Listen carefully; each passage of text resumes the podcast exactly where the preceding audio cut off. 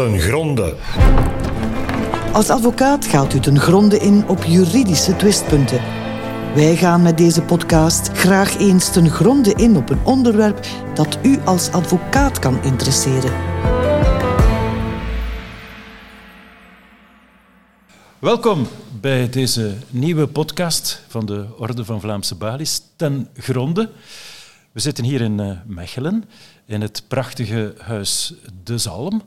Uh, een 16e eeuws pand met een magnifieke gevel. Hè. Iedere bezoeker van Mechelen stopt hier wel even. En ik zit hier met uh, drie belangrijke gasten. Ja. in de eerste plaats kijk ik naar Cathy Verstrepen. Uh, Cathy, jij bent uh, advocaat uh, natuurlijk. Hè. De meeste mensen kennen jou. en jij bent stafhouder geweest van de Orde van Advocaten in Antwerpen. En jij bent voorzitter van de Liga voor de Mensenrechten. En het is in die hoedanigheid dat het grote publiek u ongetwijfeld uh, goed, uh, goed zal kennen. En dan tegenover mij aan de andere kant, uh, en hij knikt mij toe, zit Bart Willox, bekende magistraat. Bart, jij bent voorzitter van de rechtbank van Eerste Aanleg Antwerpen. Je bent door de Hoge Raad voor Justitie voorgedragen om eerste voorzitter te worden van het Hof van Beroep te, Antwerpen. Uh, gefeliciteerd uh, voor deze voordracht. Een belangrijke taak staat u te wachten. Maar u bent hier eigenlijk nog meer als uh, voorzitter van de VC2 400, die instaat voor de jaarlijkse organisatie van de dag voor de rechtsstaat. U doet dat al voor de vijfde keer deze keer. Mm -hmm. Uh, op de 15e maart uh, komt dat en met een tweede editie, uh, einde maart voor het grote publiek. Dus 15 maart, dag van de rechtsstaat, die u toch animeert samen met de leden van, van de Raad van Bestuur van, van UVZ2. Mm -hmm. En dan tegenover mij, last but by no means least, zit uh, Christophe Busch. U hebt meer dan één voordeel op ons. Uh, u bent hier thuis, u bent eigenlijk onze gastheer. Dank, dank daarvoor dat u ons even wilt onderdak bieden voor deze podcast. maar u bent de enige niet-jurist onder ons. U bent namelijk criminoloog en ook historicus. U bent master in de holocaust- en genocidestudies, een uh, discipline die mij nog onbekend was, maar bij deze dan bijgeleerd. Uh, uh, dank dat u erbij bent om vandaag even te reflecteren over de rechtsstaat. En zelf, voor degenen die mij niet zouden kennen, ik ben Peter Callens, ik ben advocaat en ik ben tevens voorzitter van de Orde van Vlaamse Balies. We gaan dus even nadenken, als u het goed vindt, in het komende uur zo ongeveer, uh, over de rechtsstaat. En er wordt vaak gesproken over de, de rechtsstaat. En we horen vaak dat hij in, in gevaar is en dat we iets moeten doen om hem te beschermen. Ook waarschijnlijk de beweegreden voor uw vereniging, Bart, om uh, daar iets mee te gaan doen met dat thema, al zoveel jaren aan een stuk, met veel succes trouwens. Um, maar is dat eigenlijk wel zo? Of zijn we ons iets aan het voorliegen? Uh, is het zo dat de rechtsstaat hier uh, in gevaar is? Uh, of zitten we eerder, eerder op een soort culminerend punt van de rechtsstaat?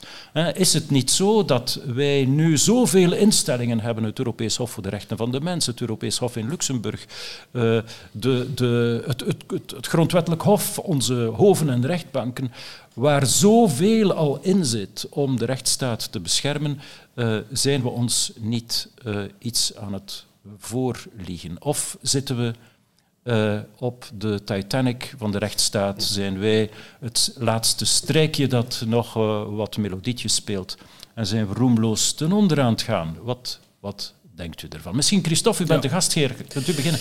Ja, dank u wel. Uh, zonder in rampspoed verzeild te geraken, denk je dat dat natuurlijk een heel moeilijke vraag is om te beantwoorden. Met andere woorden, uh, we, kunnen, we hebben geen glazen bol om ja, wat er op ons afkomt te gaan voorspellen. Het enige wat ons een stuk daarin kan begeleiden, is natuurlijk patronen die we zien in de geschiedenis en daar lessen uit trekken. Alleen weten we dat die patronen ja, een bepaalde probabiliteit, waarschijnlijkheid uh, gaan meebrengen van ja, dit en dit kan een richting ingaan die heel problematisch wordt en waarin de rechtsstaat bijvoorbeeld uh, ja, op een bepaald moment belangrijke, cruciale functies niet meer gaat doen.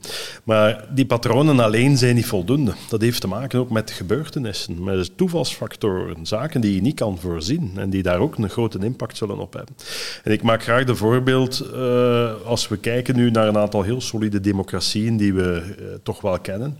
Als je op 6 januari keek naar het einde van een uh, bepaalde regeringsperiode in de Verenigde Staten, hoe je op het meest democratische moment, met name de wissel van de macht die in de Capitol wordt georganiseerd, hoe je daar een gigantische grote massa hebt die de Capitol bestormt vanuit een overtuiging, um, de verkiezingen zijn gestolen en eigenlijk hier wordt ja, de rechtsstaat aangevallen. En wat gaan ze gaan doen? Ze gaan eigenlijk de Capitol bestormen, het meest democratische instelling op het meest democratische moment, om de democratie te redden.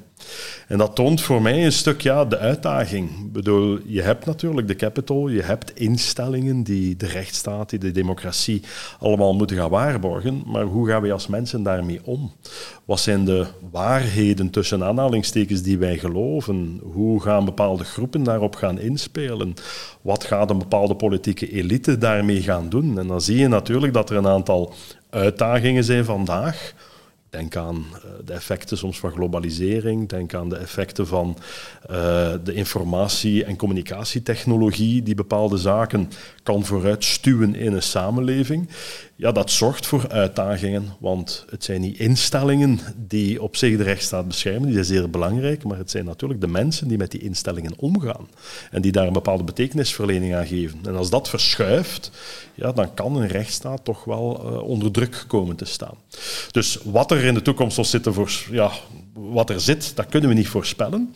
Maar wat we wel weten is, als je bepaalde patronen ziet in een richting die heel kwetsbaar de rechtsstaat aanvalt, ja, dan kan je natuurlijk die lessen uit het verleden wel gaan trekken. En gaan zeggen, zij, zij voorzichtig. Hè. Mijn eeuwige metafoor is, als je een samenleving eh, een beetje vergelijkt met een hooischuur, en je hebt daar één, twee, drie balen hooi in zitten, en je begint met lucifers te spelen, dan kun je een brand hebben als er zich iets, een gebeurtenis uh, in gang steekt. En daarmee gaat niet, niet noodzakelijk heel de hooischuur afbranden.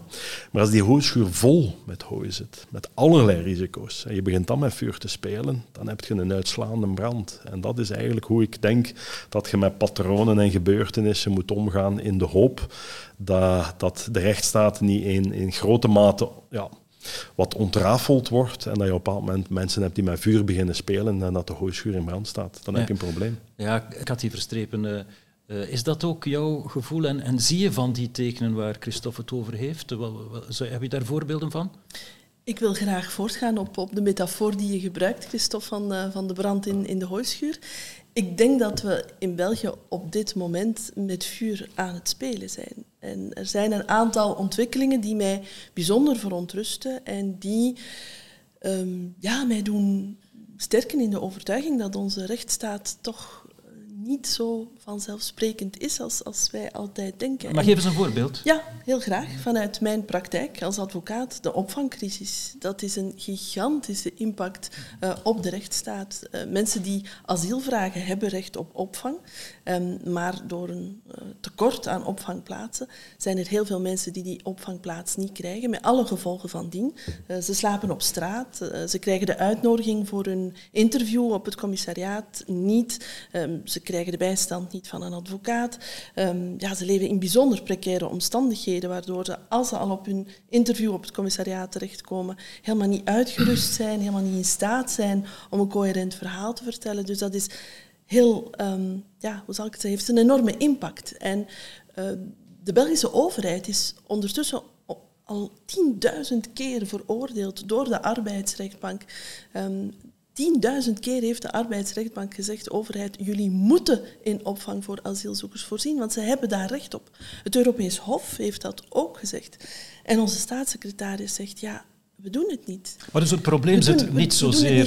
Het, het, het, het, is niet het gaat niet alleen om die opvangcrisis en het niet verschaffen van opvang aan asielzoekers, maar gewoon het feit dat de uitvoerende macht, bij monden van de staatssecretaris en gevolgd door de regering, zegt die rechterlijke beslissingen, die leggen wij naast ons neer. Sterker nog, ze maakt een instructie waarin ze zegt, zelfs al zouden er opvangplaatsen zijn, vrij zijn, alleenstaande mannen geven we geen opvangplaats. Maar betekent dat dan, Cathy, dat de uh, uitdaging voor de rechtsstaat niet zit in het rechterlijk systeem, want er zijn 10.000 vonnissen. Dat geeft toch aan dat de rechterlijke, rechterlijke macht daar haar werk heeft gedaan, maar dat het probleem zit bij de uitvoerende macht. Bart, Bart jij bent gepokt, gepokt daar, en gemazeld in de magistratuur. Daar, daar zit het probleem. Het niet respecteren van rechterlijke vonnissen, eh, van vonnissen, van rechterlijke uitspraken door die uitvoerende macht. Ja, wat dat de vluchtelingencrisis betreft is dat zeker en vast het geval. wanneer dat je het breder open gaat trekken naar waar zitten risico's voor de rechtsstaat in België, dan denk ik dat je nog aan andere dingen kunt denken ook. Maar het is absoluut een, een, een heel belangrijk voorbeeld. Uh, ja, als de rechterlijke macht uh, heel duidelijk beslissingen neemt in, veelvoud en de uitvoerende macht legt dat gewoon naast zich neer. Je moet, uh, je hebt het er net aangehaald, het is heel belangrijk naar die mensen toe, maar het is ook heel belangrijk als principe. Stel je voor dat, dat de burgers zouden beginnen zeggen van ieder vonnis uh, dat, dat wij vellen in zaken belastingen, ja, iedere burger legt dat naast zich neer, betaalt niet meer aan de overheid. Ja, iedereen zou zeggen dat kan niet en de overheid zou, zou ook zeggen ja, in, in dat soort maatschappij we niet leven. Maar eigenlijk gaat het over net hetzelfde principe. Dat is het respecteren van, van vonnissen en, en die uitvoeren. En dus uh, wanneer men dat niet meer doet, ja, dan is er wel degelijk een, een groot probleem. Het was voor mij ook een van de duidelijkste voorbeelden. Nu, Christophe heeft natuurlijk een enorme uh, achtergrond historisch. Hè. Uh, ik had hier net heel concrete dingen aan. Uh, u had het er net, voorzitter, over uh, ja, het engagement naar de rechtsstaat. Wij zijn hiermee begonnen een aantal jaren terug, 2016, 17, omdat wij rond justitie rond de tafels hadden georganiseerd. Daar waren advocaten bij betrokken. Maar ook hele andere mensen. Uh, mensen, uh, straathoekwerkers, ondernemers uh, en zo meer. En wij vroegen waar dat de rechtsstaat naartoe, uh, of waar we met justitie naartoe zouden moeten gaan, waar dat de zwakke punten waren. En we dachten allerlei praktische dingen te krijgen, allerlei voorstellen rond digitalisering en dergelijke meer. Maar het viel op, Mensen kwamen zelf af met de rechtsstaat. Wij hebben dat opgenomen en aanvankelijk, zoveel jaar terug, dachten we van dat is een mooi thema. En we dachten, oké, de rechtsstaat, en, en zeker, uh, ja, wij draaien allemaal al, iets langer mee. Je had zo het idee dat we alsmaar meer naar een perfectionering van de rechtsstaat gaan. Er zijn nog hoeken en kanten aan en we gaan die hoeken en kanten eraf veilen en we gaan alsmaar verder in de goede richting.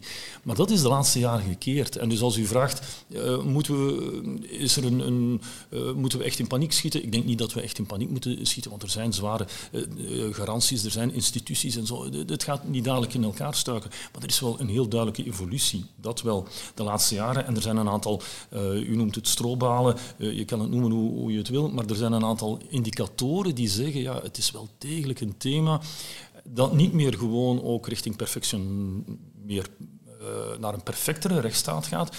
Maar je ziet gewoon ook uh, zaken ook in ons land en zeker in het buitenland, waar dat de rechtsstaat op zich in vraag wordt gesteld. En dat was enkele jaren geleden wel anders. En, en ah, we kennen allemaal die voorbeelden. Je, kan die in de States zoeken, je kan die in Engeland zoeken, je kan die in, in Polen uh, enzovoort, zelfs Oekraïne. Uh, ik dacht dat het gisteren nog was dat, dat Van der Leyen zegt van ja, de oorlog daar, dat is natuurlijk iets waar dat Christophe beter zal in thuis zijn, maar de oorlog daar is ook een oorlog om waarden. Hè en om principes, om Europese waarden, uh, die, die in een contrast zitten met, met mensen die die waarden veel minder belangrijk vinden.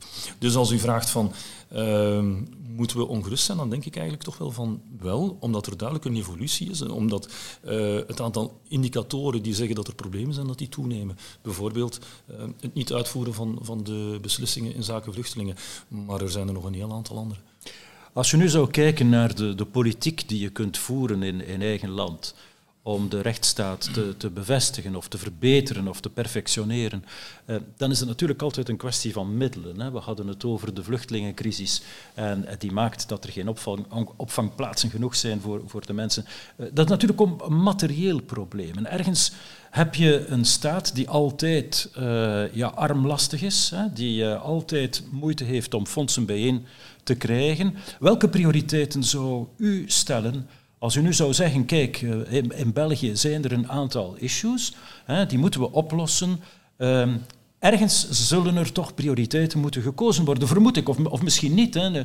Welke zouden nu prioriteiten zijn, Christophe Bush? Ja, ik denk als je natuurlijk kijkt naar een, een, een goed functionerende rechtsstaat, hè, die natiestaat die een rechtsstaat geworden is, dan zit je toch met een aantal basisfuncties, denk ik. Ik denk het politieke, het uh, politionele, het leger is dan meer voor, voor het buitenland natuurlijk bedoeld. Uh, maar evengoed het juridische en het zorgende luik. Dat zijn voor mij vier domeinen. En met het zorgende luik gaat dat niet alleen over de ziekenhuizen, maar ook onderwijs en zo verder. Zorg voor een duurzame samenleving. Dat zijn vier domeinen waar ik denk van, daar moet je heel erg op investeren. Wij zijn een redelijk kapitaalkrachtig land. Uh, dat heeft ook zijn historische geschiedenis natuurlijk. Maar je merkt wel, als dat begint te haperen, als je niet genoeg investeert op die domeinen, dan krijg je problemen. Dan krijg je problemen op vlak van uh, interpretatie, op vlak van waarheden. Uh, en als je dat vandaag gaat gaan bekijken, dan zie je natuurlijk dat er wel op een aantal van die domeinen grote vragen worden gesteld. Als je de gevoelens van antipolitiek ziet vandaag, dan zorgt dat voor een aantal serieuze uitdagingen, omdat mensen zeggen van ik weet niet meer voor wie ik moet stemmen, ik weet niet meer wat ze gaan doen en zo verder. Dat heeft niet alleen te maken met wat de politiek doet, het heeft ook te maken dat we geconfronteerd worden met heel complexe problemen die je eigenlijk zelfs op regionaal of op natiestaatniveau alleen niet meer kan oplossen. Veel van die problemen gaan een Europees standpunt moeten gaan, gaan hebben en zo verder. Maar het heeft ook te maken met hoe worden de verhalen omtrent die uitdagingen op die, die vier niveaus, hoe worden die verhalen gecreëerd?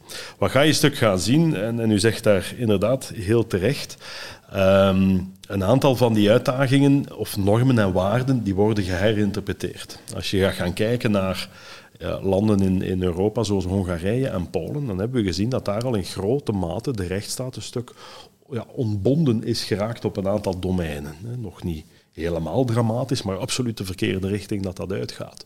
Je ziet in Polen dat er een kentering komt. Maar je ziet ook hoe moeilijk het is voor hopelijk de nieuwe regering om tot herstel te komen van een aantal ontbonden realiteiten. En een van de grote problemen die ik daar zie is welke verhalen worden gecreëerd. Als mensen de Capitol bestormen, dan deden ze dat om de democratie te redden. Als ik praat vandaag van kijk, je mag haatkoren toch niet zomaar grenzeloos op sociale media uh, ja, laten zich verspreiden, hè, amplificatiemechanismen toelaten en zo verder, dan word ik uh, terecht gewezen door extreem rechts, die zegt, kijk eens daar, Christophe Bush uh, wil het recht op vrije meningsuiting uh, gaan censureren. Wij, wij zijn voor recht op vrije meningsuiting. Ja, dat kennen we uit de geschiedenis. Ja, natuurlijk zijn we voor recht op vrije meningsuiting, tot wanneer die clubs aan de macht zijn, en dan zie je dat het stopt. Dus dan gaat het natuurlijk ook over de vraag van, sommige verhalen, die worden moedwillig, soms politiek, soms breed maatschappelijk, de wereld ingestuurd om angstredenen, om electorale redenen. En dat creëert soms problemen, niet altijd, maar soms problematische vormen van wat ik noem magisch denken. Als je vandaag bijvoorbeeld uh, de discussie gaat zien, die in Duitsland ondenkbaar zou zijn, uh, over de gehele migratieuitdaging en dat daar woorden worden gebruikt zoals omvolking, ja, dat was in de jaren negentig, als ik ook die fenomenen bestudeerde, kwam ik dat alleen maar in ultra rechtse milieus tegen. Dat waren de websites van de Koekoeksclan of de websites van neonazis in Duitsland. Hè, met de Duitse nazi-terminologie die ze recupereerden. Vandaag heb je politici in filmpjes van het Vlaams parlement die daarover aan het praten zijn. En een discussie over, ja, je moet toch niet te gevoelig doen en de geschiedenis is voorbij en we mogen toch noemen hoe dat we het willen en zo verder. En dan denk ik van ja, dat is een illusie. Als er iets is dat we uit de geschiedenis geleerd hebben, dat is dat een realiteit wordt ook gecreëerd door daar taal en verhaal aan te geven. En als je dus toelaat op basis van complexe problemen die heel moeilijk op te lossen zijn. Migratie is daar een heel mooi voorbeeld van. Maar als je toelaat dat er crisis en angstnarratieven zijn, met een zwart-wit kijk en met ja, absurde discussies over alle grenzen moeten toe en alle grenzen moeten open, dan denk je, ja, beide zijn geen oplossing. En waar praten we niet meer over? Over de werkelijk duizend en één grijstinten van heel liberaal tot, tot, tot heel restrictief beleid. Maar daar praten we niet meer over, omdat we in de uiterste gepolariseerde categorieën zitten, met nog een saus erbovenop als we dit nu niet doen, dan is Europa verloren en dan gaan we naar Eurabia. En ik heb, zoals u terecht zegt, genocidestudies gestudeerd en dan lees ik in de boeken van die angstzaaiers dat er op dit moment zich een witte genocide voltrekt. Een genocide op mij. En dan denk je, ja, dat is kwatsch natuurlijk. Ik ga de laatste zijn om te beweren dat er geen uitdagingen zijn gekoppeld aan migratie. Dat er geen problemen zouden zijn in grootsteden zoals Brussel. Evident zijn daar problemen. Maar de juiste taal, de juiste uh, pluraliteit aan zienswijzes, probleemdefinities en oplossingen, dat is wel wat we nodig hebben. En wat we dus moeten op investeren is opnieuw in het repluraliseren, dat je uit die zwart-wit angstperspectieven terechtkomt, die vooral ja, electoraal bedoeld zijn, bedoeld zijn om andere dynamieken te gaan triggeren. En dat vind ik een, een heel groot gif. En als natuurlijk ja, er turbulentie is, omdat er uitdagingen politioneel zijn of, of politiek zijn en zo verder, ja, dat is de perfecte voedingsbodem om die spelletjes te spelen. Oké. Okay. Om even terugkomen op, uh, op de vraag uh, naar, naar de prioriteiten, Cathy, Cathy Verstrepen. Welke zouden jouw prioriteiten zijn? Ja, u zei, de budgetten zijn beperkt. Hè. Uh, er moeten keuzes gemaakt worden. nu, als we nog eventjes terug naar dat voorbeeld gaan van die migratiecrisis, en dat is het laatste dat ik er zou over zeggen, want er zijn uiteraard nog andere onderwerpen. maar ja, dat is een kwestie van prioriteiten. Want door die opvangplaatsen niet te creëren, spaart men geld uit. Maar het geld dat dat nu kost om die crisis op te lossen, dat is veel meer. Dus ja, het is niet per se altijd een, een kwestie van budgetten. Het respecteren van de scheiding der machten kost niets. Het kost onze overheid niets als onze regering de, uh, de, de vonnissen die geweld zijn naleeft. Dus dat is prioriteit nummer één voor jou? De, de, de, de, de scheiding der machten uh, respecteren en, en, en de principes van de rechtsstaat respecteren. En dat zou al een heel goed begin zijn.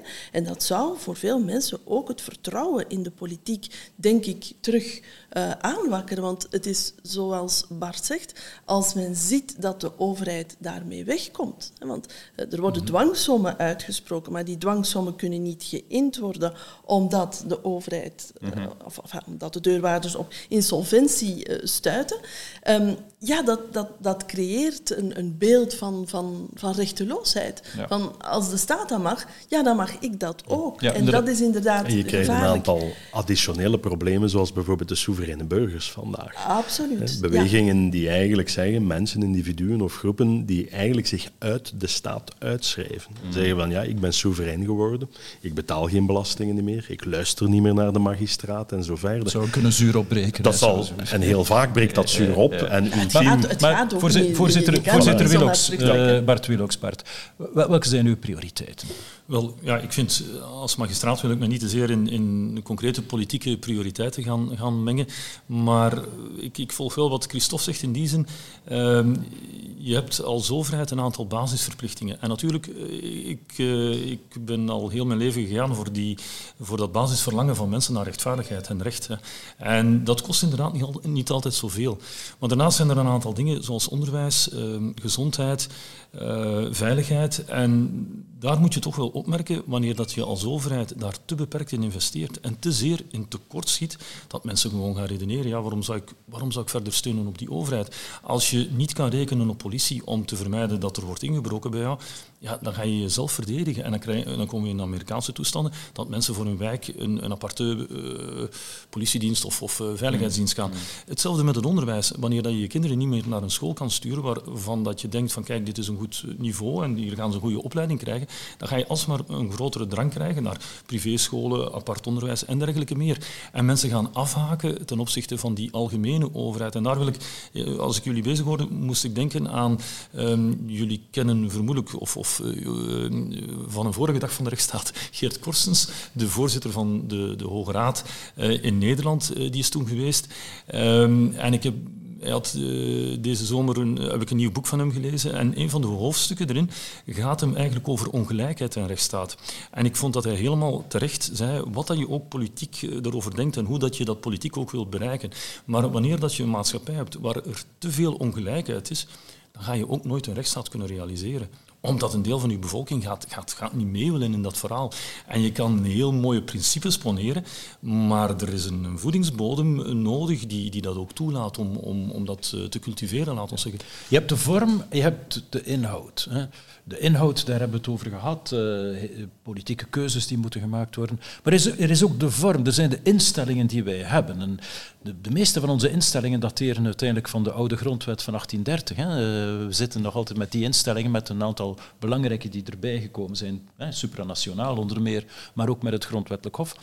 Is ons arsenaal aan instellingen goed genoeg?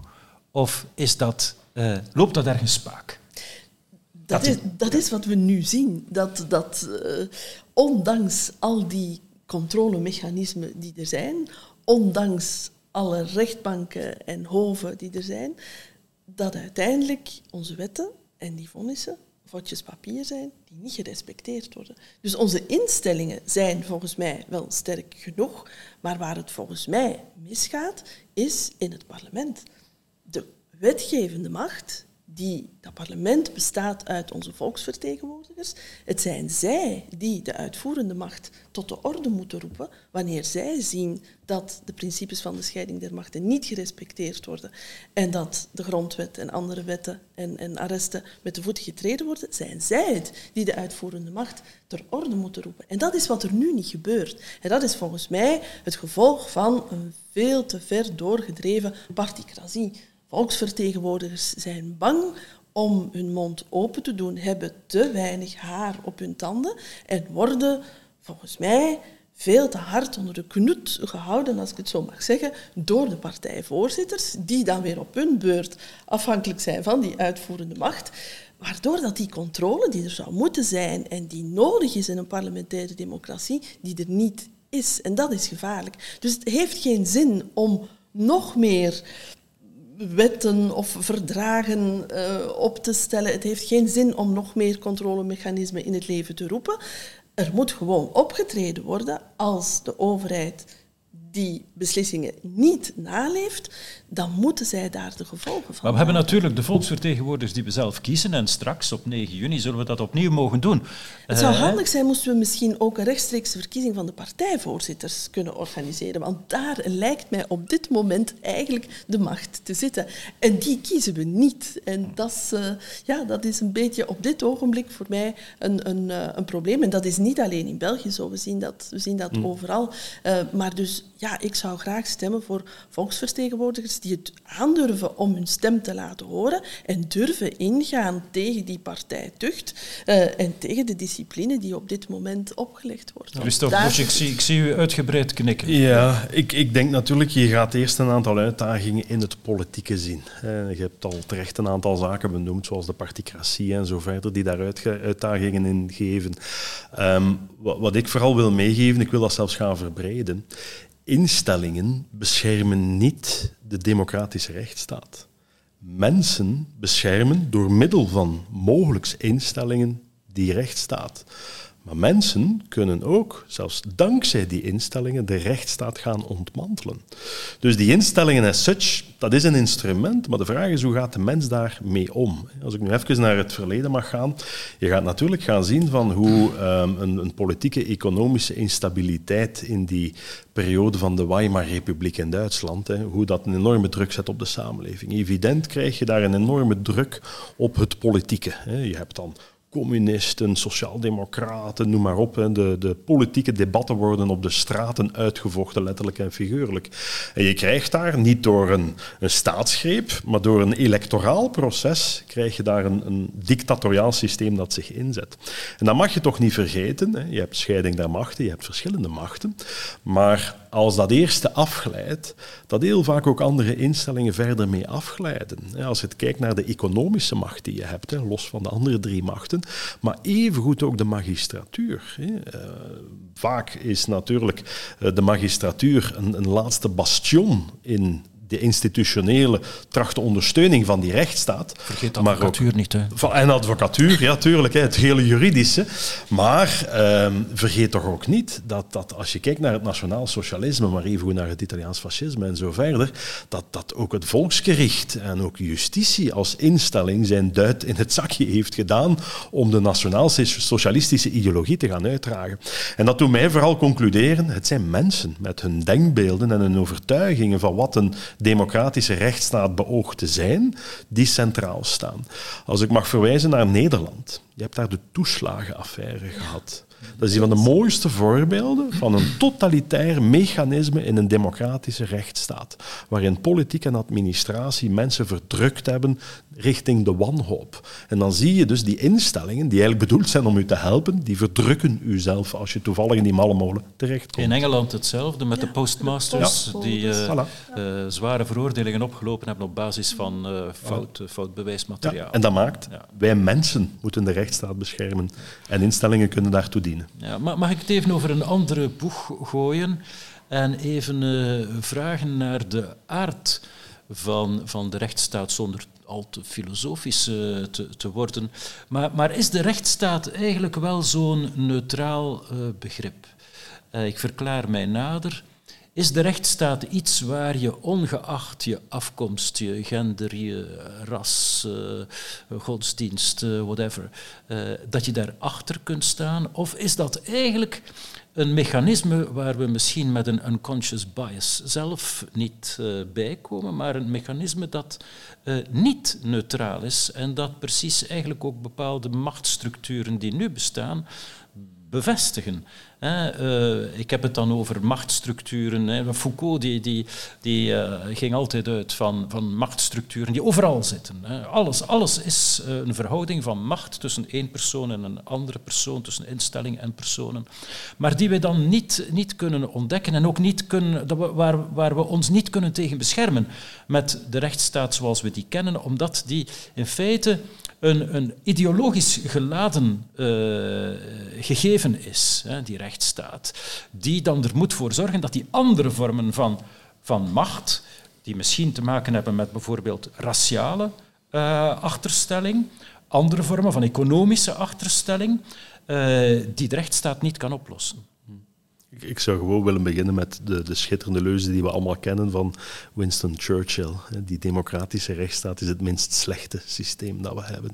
En ik denk dat dat eigenlijk de essentie is. Zitten daar biasen in? Evident. Dat heeft te maken met machtsstructuur, dat heeft te maken met perspectieven.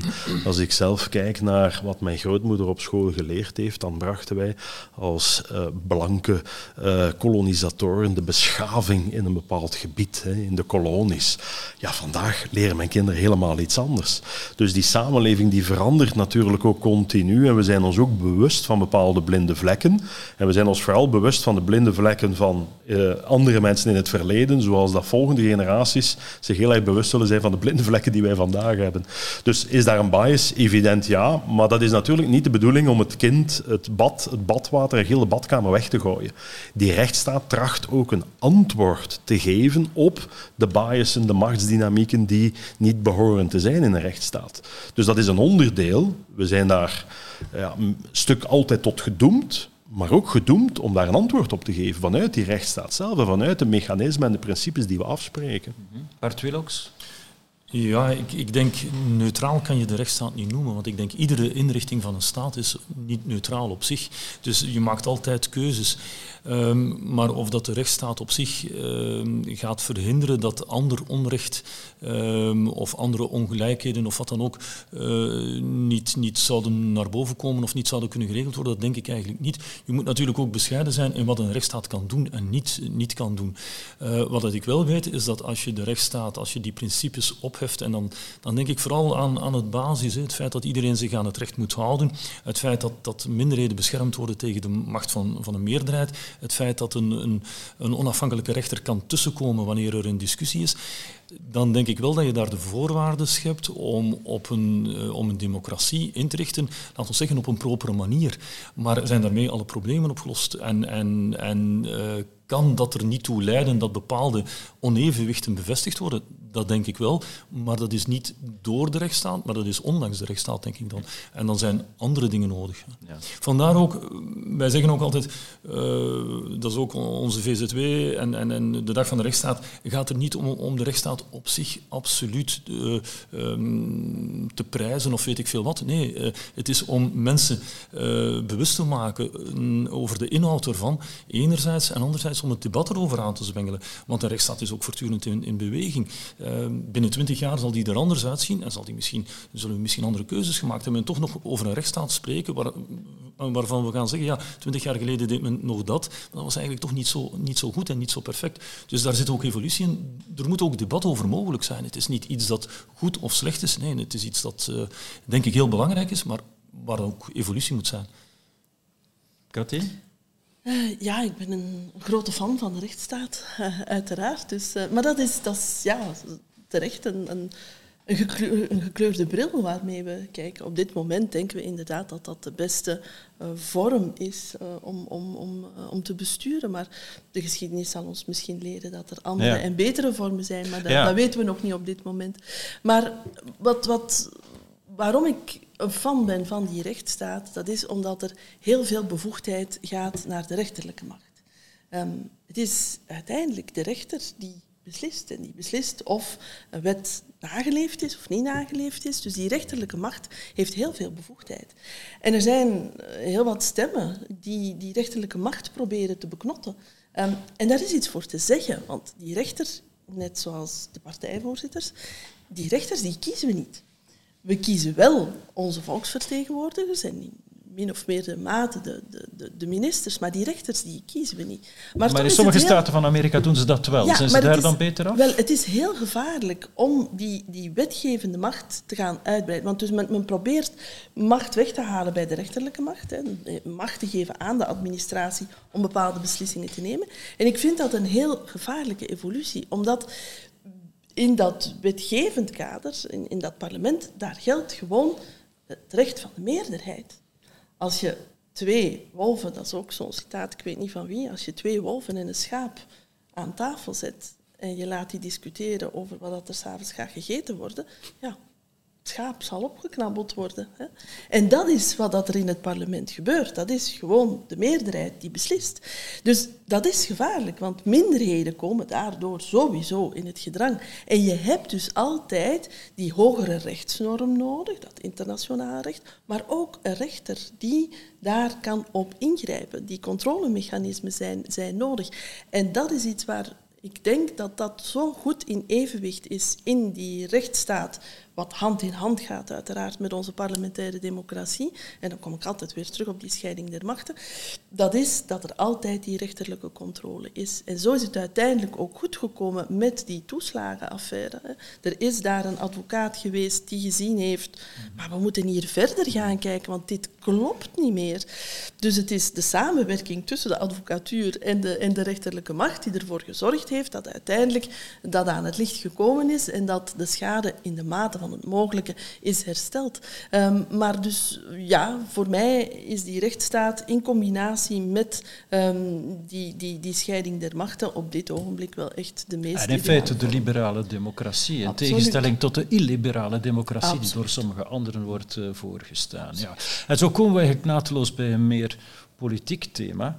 Ja, we krijgen verkiezingen op 9 juni. Dat zijn niet alleen uh, uh, federale verkiezingen, dat zijn natuurlijk ook voor de Vlaamse verkiezingen, maar misschien nog belangrijker, en mensen staan er minder uh, bij stil, Europese verkiezingen met tendensen in Europa. En daarvan wordt toch vaak gezegd, terecht of onterecht, maar dat zullen jullie beantwoorden, dat er een bedreiging uitgaat van uiterst rechts.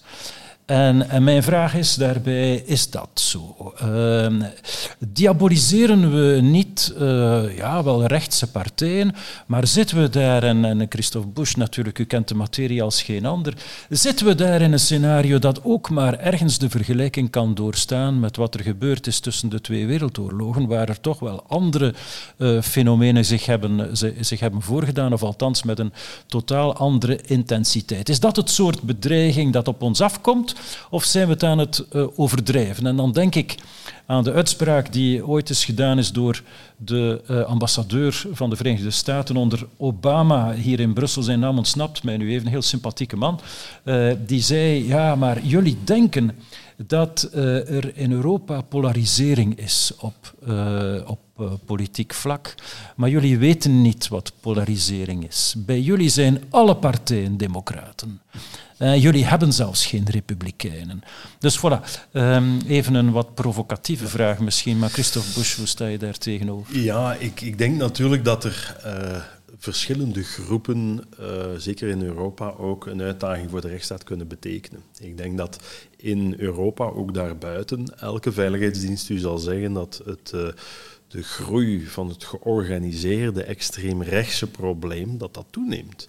Dat daar een aantal heel zorgwekkende patronen zijn van zaken die men relatief goed in kaart heeft, tot bijvoorbeeld ook zaken waar je nauwelijks iets kan tegen doen. Bijvoorbeeld het uh, legitiem bewapenen van bepaalde mensen die uit die milieus komen. Ja, als je dat legitiem doet, ja, dan heb je de regels gevolgd.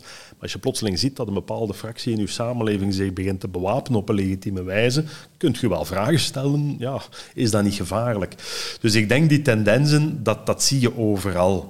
Wij komen uit een periode waarin we, uh, denk aan juist na de eeuwwisseling, je vooral religieus geïnspireerd geweld had, religieuze radicalisering, we hadden Syrië-strijders en zo verder. En dat is eigenlijk voor mij een heel mooi voorbeeld. Was dat een probleem? Ja, duidelijk. Was dat een probleem voor de rechtsstaat? Nauwelijks, vond ik. Um, als je kijkt waar zit de uitdaging op vlak van religieuze radicalisering, dat is bijvoorbeeld in landen zoals Irak. Als je kijkt, uh, de aanslagen in Bagdad, de kans dat je omkomt in een aanslag is significant hoog. In België is dat, ik ga niet zeggen onbestaande, want helaas hebben we hem gehad, maar is dat wel enorm laag dat je ooit door een, door een aanslag uh, zou, zou kunnen omkomen. Helaas is ze niet onbestaande.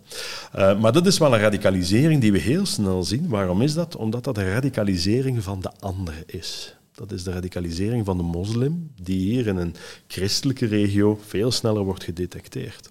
Als het een radicalisering van het eigenen is, hè, en waar mensen groeien door vanuit uw eigen gemeenschap in een extreem links of een extreem rechts of een extreem single-issue thema, dat doet er niet toe, dat zien we meestal minder. Je gaat bijvoorbeeld ook in het onderwijs gaan zien, als iemand in de religieuze radicaliseringsperiode Allah Akbar riep en, en met een IS-vlag dweepte, daar zou een enorme reactie op gekomen zijn. Als je vandaag dan hoort van ja, er worden hakenkruizen en al, allerlei heel uh, bedenkelijke schild- en vriendenachtige memes, dan denk je, ja, dat is een beetje puberaal gedrag. Dan denk je, ja, dat, dat kan het zijn, maar er zijn wel tendensen die aangeven dat dit veel breder zich aan het verspreiden is. Dus gaat extreem rechts zich herhalen, zich repliceren zoals in de Tweede Wereldoorlog? Evident niet. Um, Tuurlijk niet. De geschiedenis herhaalt zich nooit, zeg ik. De geschiedenis rijmt wel. En je gaat gaan zien, die zaken zullen anders zijn. Vandaag krijg je, wat is het gelijkaardige? Krijg je weer discussies over identiteit, over waarheid, over bepaalde illiberale uh, invullingen van de democratie en zo verder.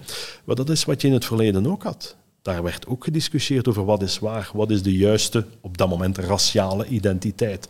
Dus die mechanismen zijn gelijkaardig, maar de wijze waarop dat zich voltrekt, dat zal gaan via uh, mensen niet meer fysiek te gaan oppakken of een bedrijf. Nee, dat zal gaan via het online uh, bekampen van mensen, de credibiliteit aanvechten en zo. Dus diezelfde mechanismen zullen in een heel ander jasje zich gaan voordoen. En dat is iets wat je vandaag eigenlijk al ziet. Je ziet dat mensen of bepaalde groepen, ik gebruik daar dan graag het Duitse woord voor, kalt gesteld worden via de instrumenten die gewoon hedendaags zijn vandaag. En dat zijn zorgwekkende zaken. Zoals ik dat juist het voorbeeld gaf, als je een bepaalde termen begint te gebruiken, die termen zijn niet neutraal. En je ziet dat langs weerskanten. Hè. Als ik zie uh, de wetgeving om illegale uh, te gaan opsporen via woonsbetredingen en zo verder. Mensen in onwettig verblijf. Mensen in een onwettig verblijf, veel terecht. Taal is belangrijk. Uh, dan ga je gaan zien dat men dat dan de achterhuiswet noemt. En dan ga je verwijzen naar, zoals de nazi's ook woonsbetredingen hebben gedaan en zo. Dus, dus rechts gaat dan over omvolking en volksdood gaan praten en zo verder.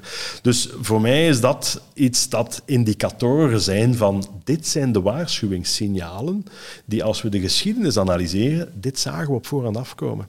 En die waarschuwingssignalen zie je vandaag weer. De mainstreaming van extremistisch gedachtegoed, Dat is eigenlijk het grote probleem. En dat is eigenlijk al in mijn ogen in Europa in een grote mate gevorderd. Met een aantal hoopgevende signalen als ik naar Polen kijk op dit moment. Dus dat moeten we ook wel erkennen. Er zijn ook hoopgevende signalen. Voorzitter Bart Willox, is dat een fenomeen dat u ziet in uw rechtbanken?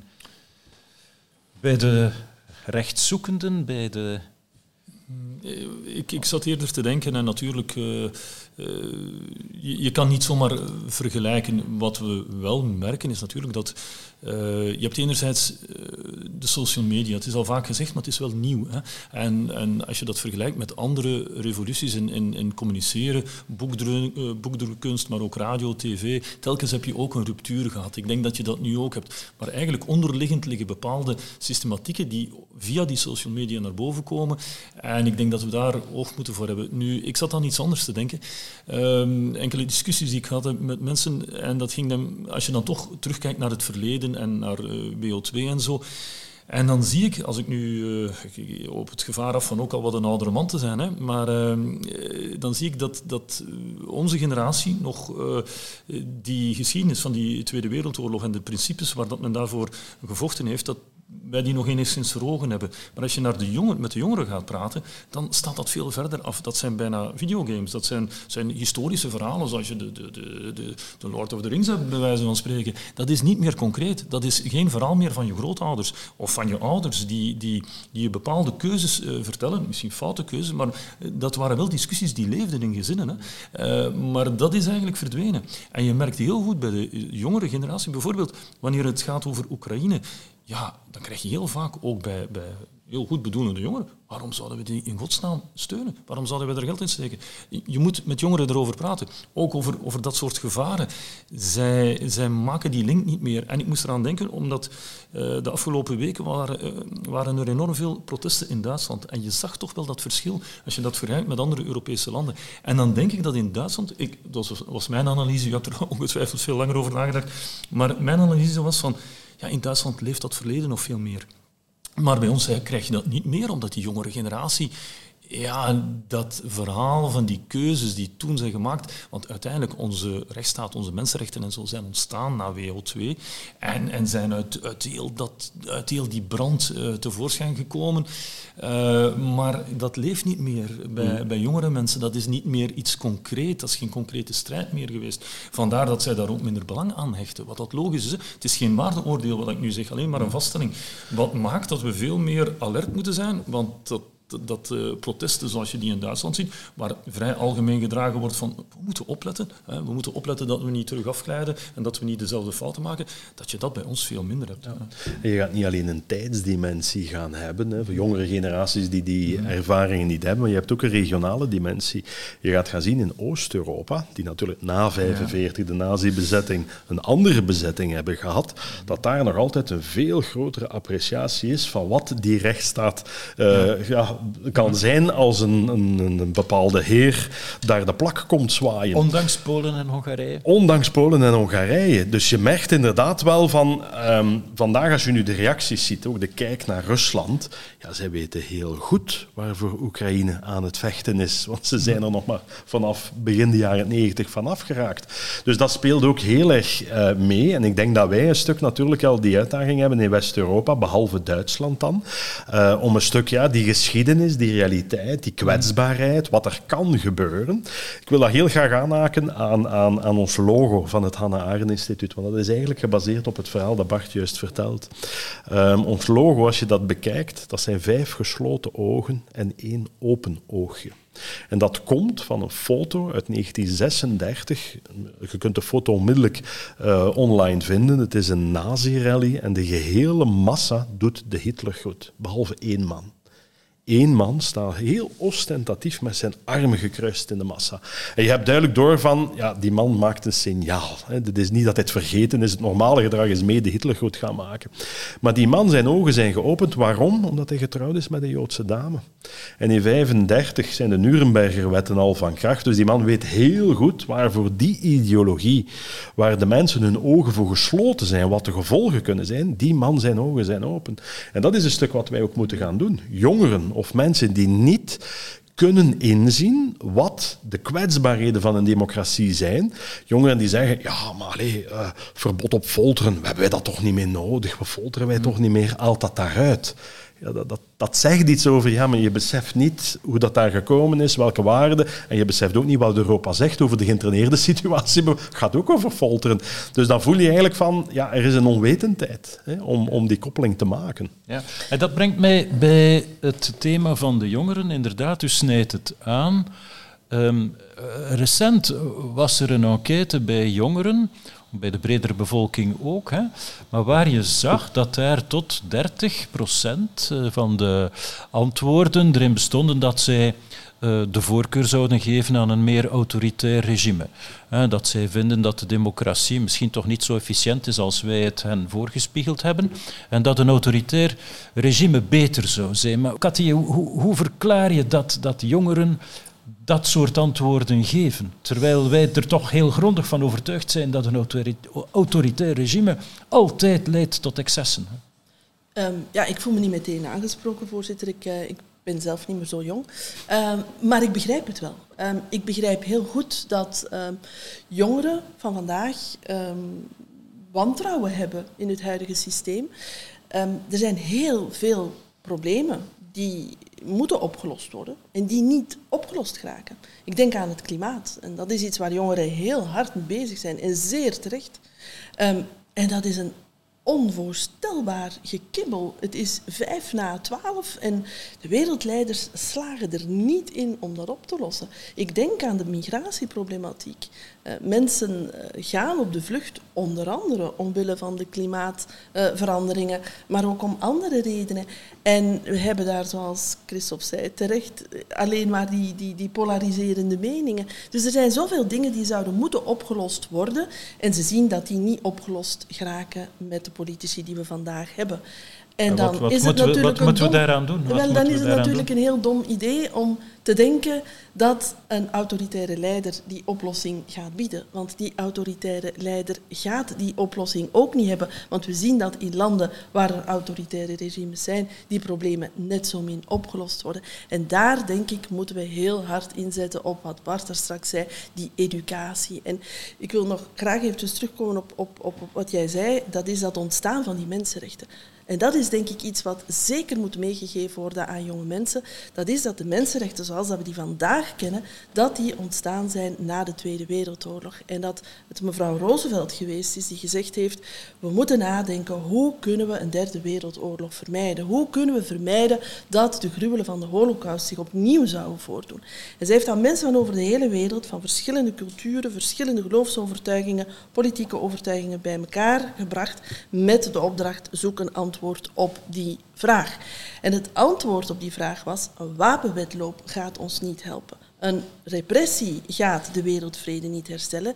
Nee, het respect voor de waardigheid van iedereen Ieder mens is gelijk en ieder mens moet in zijn waardigheid gelaten worden. En om ervoor te zorgen dat mensen in hun waardigheid kunnen gelaten worden, daarvoor hebben we het recht op een privéleven, het recht op vrije meningsuiting en zo verder. Dus die mensenrechten die zijn niet het doel op zich. Mensenrechten zijn een middel om ervoor te zorgen dat we allemaal vrij en veilig kunnen leven. En dat is denk ik een boodschap die vandaag aan jonge mensen moet gegeven worden. Van waar komen die mensenrechten? En dan ga je de vraag naar afschaffing van de uh, verbod op folteren niet krijgen. Want dan gaan jonge mensen beseffen waarom dat, dat verbod er is en, en waarom dat die mensenrechten er zijn. En dat, vind ik, gebeurt op dit moment te weinig. En als dat meer zou gebeuren, dan zouden jongeren beseffen dat de taken uh, toebedelen aan een totalitair regime of, of, aan een dictator, dat dat niet de oplossing gaat zijn. Integendeel, de problemen gaan niet opgelost zijn en we gaan uh, onze vrijheid en onze veiligheid erbij inschieten. Bart Willoks akkoord? Eh, zeker akkoord. Ik, ik denk dat uh, educatie zo, we proberen er ook aan te werken, belangrijk is, maar ik wil toch ook een beetje tegenwind geven, voorzitter, in, in die zin, van waar komt het ook soms? En, en dan denk ik, zoals Cathy er net heeft gezegd, er zijn een aantal problemen, klimaat klimaat, maar er zijn ook nog een heel aantal andere. En soms jongeren definiëren die soms anders dan, dan wij. Maar zij zien, en ook uh, ouderen, zij zien dat er een heel aantal maatschappelijke problemen zijn waar men een moeilijke oplossing voor vindt. En men verwacht dat van politici, want ik wil het ook niet als een wij-zij-verhaal uh, van, laten we zeggen, uh, de, de, de, de propere magistraten tegenover politici die ni niets kunnen. Ik begrijp ook wel de moeilijke positie van een politicus. ik zie het af en toe ook in, op het domein van justitie. Je moet iets vrij, eens proberen iets vrij eenvoudig te veranderen. Dat is ontzettend moeilijk. Hè. Jullie weten dat ook. dat is ontzettend moeilijk. Plots duiken er allerlei problemen op, ook juridisch. Want daar moeten we ook een beetje in eigen boezem kijken.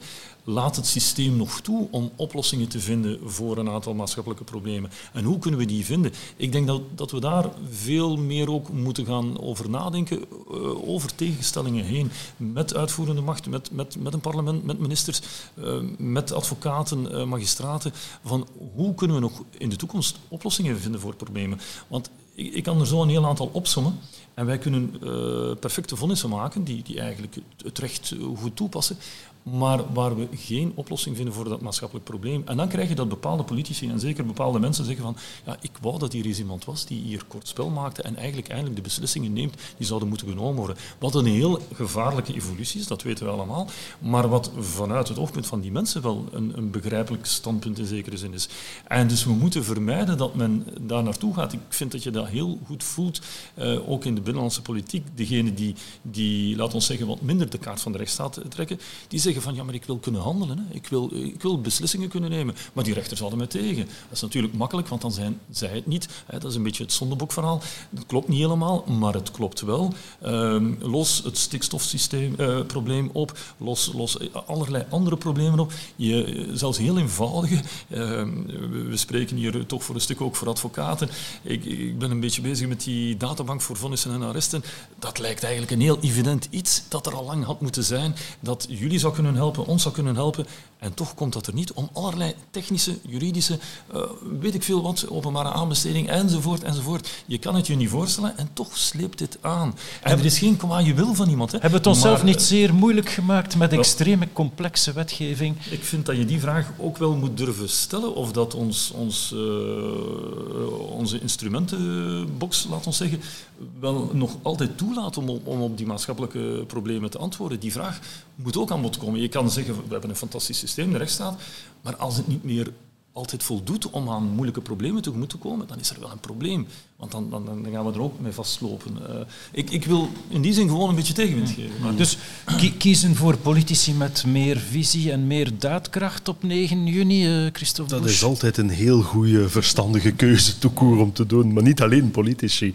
Nu, ik, ik, ik, het gehele verhaal natuurlijk van, van ja, in moeilijke tijden met heel uh, lastige problemen, wicked problems noemen we dat dan, um, dat daar dan een roep is naar iemand die orde op zaken stelt, dat is van alle tijden. En dat zie je altijd terugkeren.